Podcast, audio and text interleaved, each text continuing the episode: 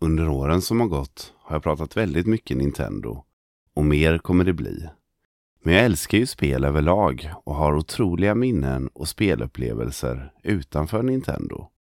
Så idag tar vi en titt på mina topp 5 bästa Playstation 3-spel.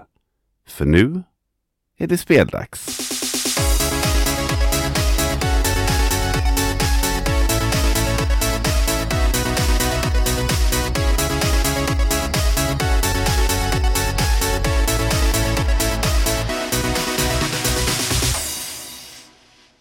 Även om jag numera enbart fokuserar på Nintendo-spel och konsoler så har det inte alltid varit så. Jag har till exempel haft alla Sega-konsoler, Playstation 1 till Playstation 3 och även ett PSP. Ett tag hade jag ett riktigt arkadkabinett och en kort period hade jag även ett Xbox 360. Så jag tänkte att jag lite då och då kunde prata om mina minnen kring dessa konsoler för att bryta upp Nintendo-fanboyandet lite. Nu kör vi igång.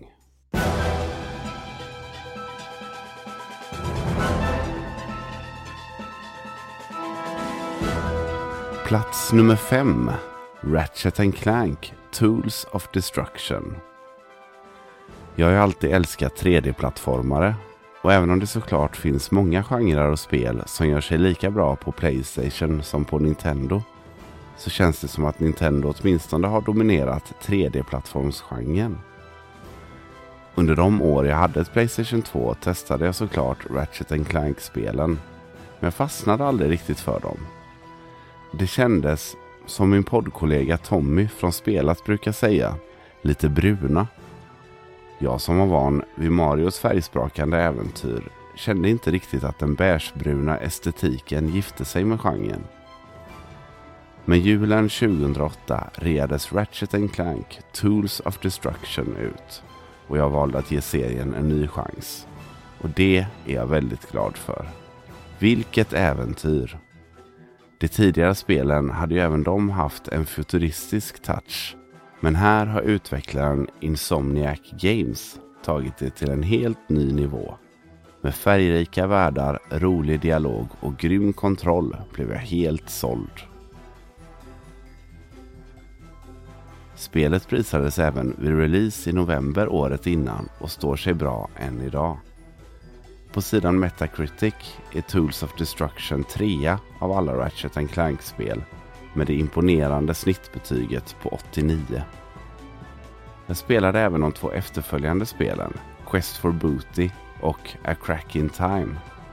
Bägge två är väldigt bra spel, men det är något med Tools of Destruction som gör att det blir min favorit i serien.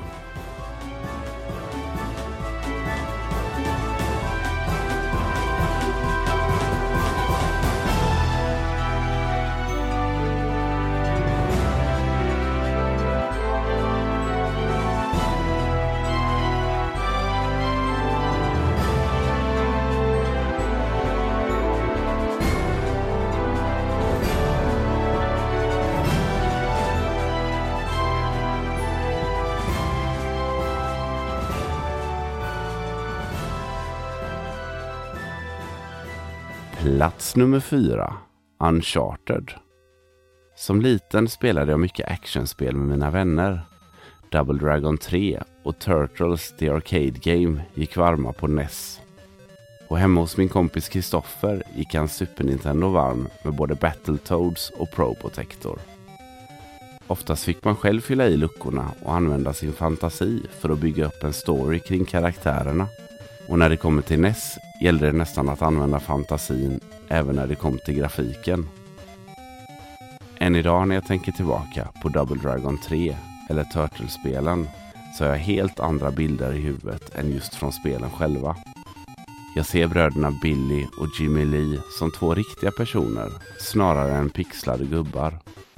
Och till Turtles så är det lätt att tänka sig hur spelet hade sett ut som tv-serie. Men med Uncharted behövde jag inte längre fantisera eller hitta på. Att spela Uncharted det är som att hoppa in i ett modernt actionäventyr som hade gjort sig lika bra som animerad film. Karaktärsarbetet som Naughty Dog har gjort är otroligt genomarbetat och gediget.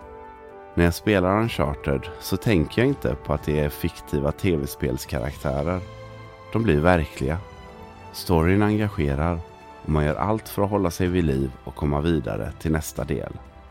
Ibland kan jag tycka att cutscenes och mellansekvenser är längre än de borde vara, eller medelmåttig utfyllnad.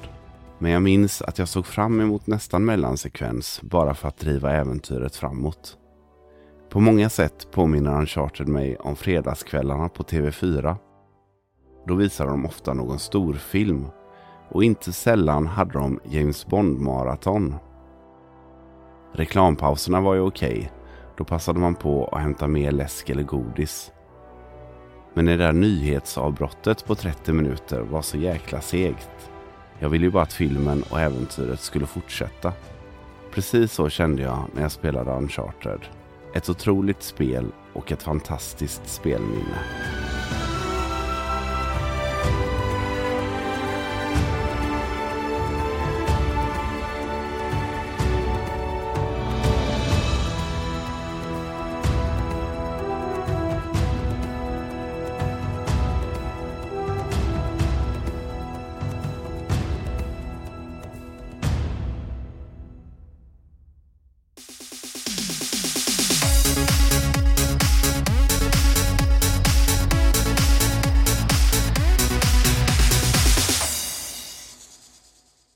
Plats nummer tre. Assassin's Creed. Jag skaffade aldrig något Playstation 3 vid release. Varken Motorstorm eller Resistance Fall of Man, som var Sonys stora releasetitlar, lockade särskilt mycket. Och med en prislapp på nästan 7000 så var det nästan skönt. Men året därpå, 2007, släppte Ubisoft Assassin's Creed. Och snacka om att det var hypat. Jag minns att både Game Reactor och Level skrev mycket bra om det kommande storspelet. Och även på nätet surrades det mycket om just Assassin's Creed. Det som utmärkte spelet var dels att det var ett så kallat sandlådespel. Dels att det utspelade sig i slutet av 1100-talet under korstågen kring Jerusalem. Och dels den intressanta och något invecklade storyn. Spelet hyllades i stort sett överallt och vid det här laget hade jag väntat länge nog. Den 13 november 2007 köpte jag ett Playstation 3 och det nysläppta Assassin's Creed. Ivrigt väntade jag på att klockan skulle bli sju så att jag kunde stänga butiken och åka hem och spela. Väl hemma med allt inkopplat startade jag min konsol och letade mig snabbt fram till spelmenyn och tryckte play. Det första som slog mig var den spännande storyn som utspelar sig i nutid där man spelar som en kille vid namn Desmond. Desmond blir kidnappad och förs till ett labb. Väl där kan han via en maskin som kallas Animus färdas i tiden. Animus-maskinen kan nämligen koppla upp personer mot sina förfäders DNA och Desmond förs tillbaka till 1100-talet där han tar över rollen som Altair. En lönnmördare som lever kring Jerusalemstrakten. Här tar spelet fart på riktigt och jag tar mig igenom diverse uppdrag i den lilla byn Masyaf. Redan här är jag fast. Kontrollen är perfekt. Det är lätt att lära sig hur man spelar och springa runt som ett parkourproffs i byn har aldrig känts bättre. Grafiken är helt otrolig. Något jag aldrig hade sett i ett tv-spel tidigare. Jag var helt golvad jag minns att jag flera gånger ropade på min dåvarande sambo att komma och titta på hur vackert spelet var. Spelet fick kritik för att vara repetitivt, men det var aldrig något som jag störde mig på. Utan tvärtom så kunde jag njuta av omgivningen, grafiken och storyn utan att ständigt brottas med nya kombinationer eller inputs. En magisk upplevelse och en av få gånger som jag känt att jag varit med om ett generationsskifte.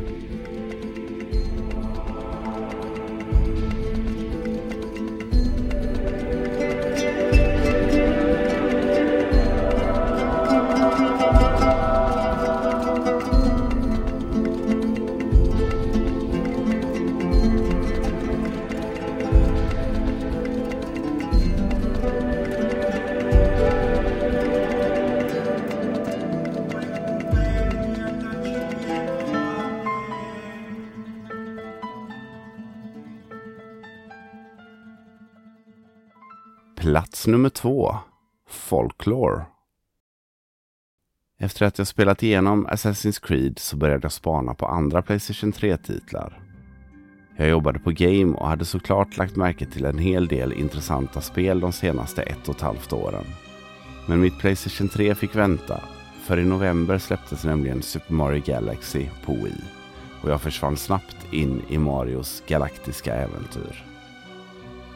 Julen närmade sig och oftast önskade jag mig pengar. Men min mormor ville gärna köpa något till mig det här året. Jag köpte ju en hel del spel redan vid det här laget men prioriterade redan då Nintendos titlar. Så jag valde att önska mig spelet Folklore till Playstation 3. Den 24 december skymtade jag ett platt, fyrkantigt paket under granen. Och visst var det just Folklore. I spelet får vi följa Ellen som fått ett brev av sin avlidna mor om att ta sig till en liten by på Irland. Väl på plats möter hon Keats, en journalist för en tidning som fokuserar på det okulta. Och tillsammans är de med om övernaturliga saker, det ena galnare än det andra. I jakten på att få reda på vad som lett dem till denna lilla by snubblar de över ett 17 år gammalt mordfall. Och detta leder dem till den parallella världen Netherworld. I spelet får du välja om du vill spela som Ellen eller som Keats. Och beroende på vem du väljer så får du vara med om olika saker och ta dig igenom spelet på olika sätt. Så juldagen ägnade jag att dyka in i denna magiska värld för att utforska The Netherworld. Jag vet att jag började spela efter frukost och plötsligt kom min dåvarande sambo hem från sitt jobb och det hade redan hunnit bli kväll. Resterande dagar av 2007 ägnade jag åt folklore och när äventyret var slut så fylldes jag av en känsla av tomhet. Oftast tycker jag att det är roligt och skönt att klara ett spel så jag kan påbörja nästa äventyr. Men då och då dyker det upp spel som är så levande och engagerande att jag inte vill lämna dem. Folklore är ett sånt spel.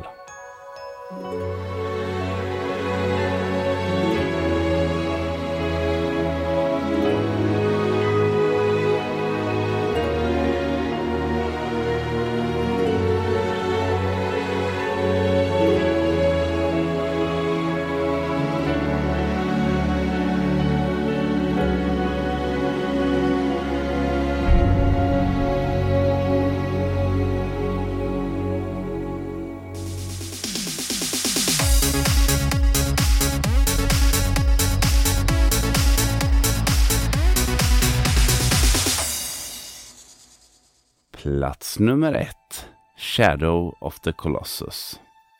Jag fuskar lite här och tar ett spel som först släpptes på Playstation 2. Men jag älskar detta spel så mycket så jag ville verkligen ha med det.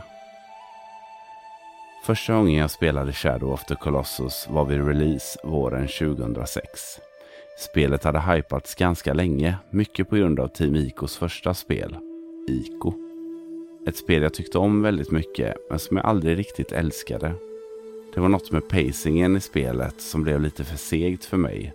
Och även om jag verkligen ville tycka om det så nådde det inte hela vägen fram. Men Shadow of the Colossus tog mig med storm och jag vill minnas att jag klarade spelet samma helg som jag skaffade det. I Shadow of the Colossus spelar du som Wander. Spelet placerar dig i en för dig okänd värld och mycket av storyn är ganska oklar. Ditt primära syfte är att ta dig an 16 stycken kolossusar. Enorma bestar av berg och sten som lever runt omkring i världen. Vissa i vatten, andra i luften och de flesta på marken. Till din hjälp har du ditt svärd, en pilbåge och hästen Argo. Många av striderna är nästintill pusselbaserade och det gäller att hitta varje kolossus svaga punkt och fokusera på just den. Spelet släpptes till Playstation 2 som sagt och fick senare en remaster på Playstation 3. Det fick även en väldigt trogen remake till Playstation 4. Några år efter spelets release såg jag filmen Vänner för livet, eller Rain over me, som är originaltiteln. En magiskt gripande film där Adam Sandler spelar huvudkaraktären Charlie Feynman. Filmen handlar om Charlie, en man som förlorat sin familj i 9-11 och kämpar med acceptans och förståelse över hur hans liv ska bli utan dem. Har ni inte sett den så gör det. Något som förvånade mig var hur duktig Adam Sandler var på att porträttera en karaktär som inte var humordriven och filmen blev snabbt en av mina favoriter. Men i filmen så spelar Charlie Shadow of the Colossus och efter jag sett filmen satte jag mig återigen för att ta mig an bästarna. Denna gången i Playstation 3-remastern. Och det tar inte slut där. Jag och min kompis Conny brukade förr ha gaming-tisdagar. Vi träffades oftast hemma hos honom och spelade igenom spel, snackade och käkade pizza. Ett av spelen vi körde var återigen Shadow of the Colossus. Fast nu remastern på Playstation 4. Jag vill minnas att det var första gången han spelade spelet. Men eh, du får rätta mig om jag har fel Conny. Playstation 4-versionen är enligt mig den mest perfekta. Jag tyckte redan att grafiken och stämningen var vacker på Playstation 2. Men wow, här är det magiskt. Det som gör Shadow of the Colossus så unikt för mig, det är de känslor som spelet skapar. Man dras hela tiden mellan känslan att gå vidare och ta sig an nästa koloss. Samtidigt som jag kan känna väldigt starkt för kolosserna när de väl är besegrade. Det är ju faktiskt jag som letar upp dessa bästar, tar mig in på deras revir och utmanar dem. De stör inte på något sätt varken mig eller världen jag vistas i. Och det magiska soundtrack komponerat av Ko och Tani förstärker dessa känslor där melankoliska melodier spelas upp vid deras död snarare än toner av triumf. Som många andra av mina favoritupplevelser när det kommer till tv-spel så var det något extra magiskt att spela igenom Shadow of the Colossus igen med en vän.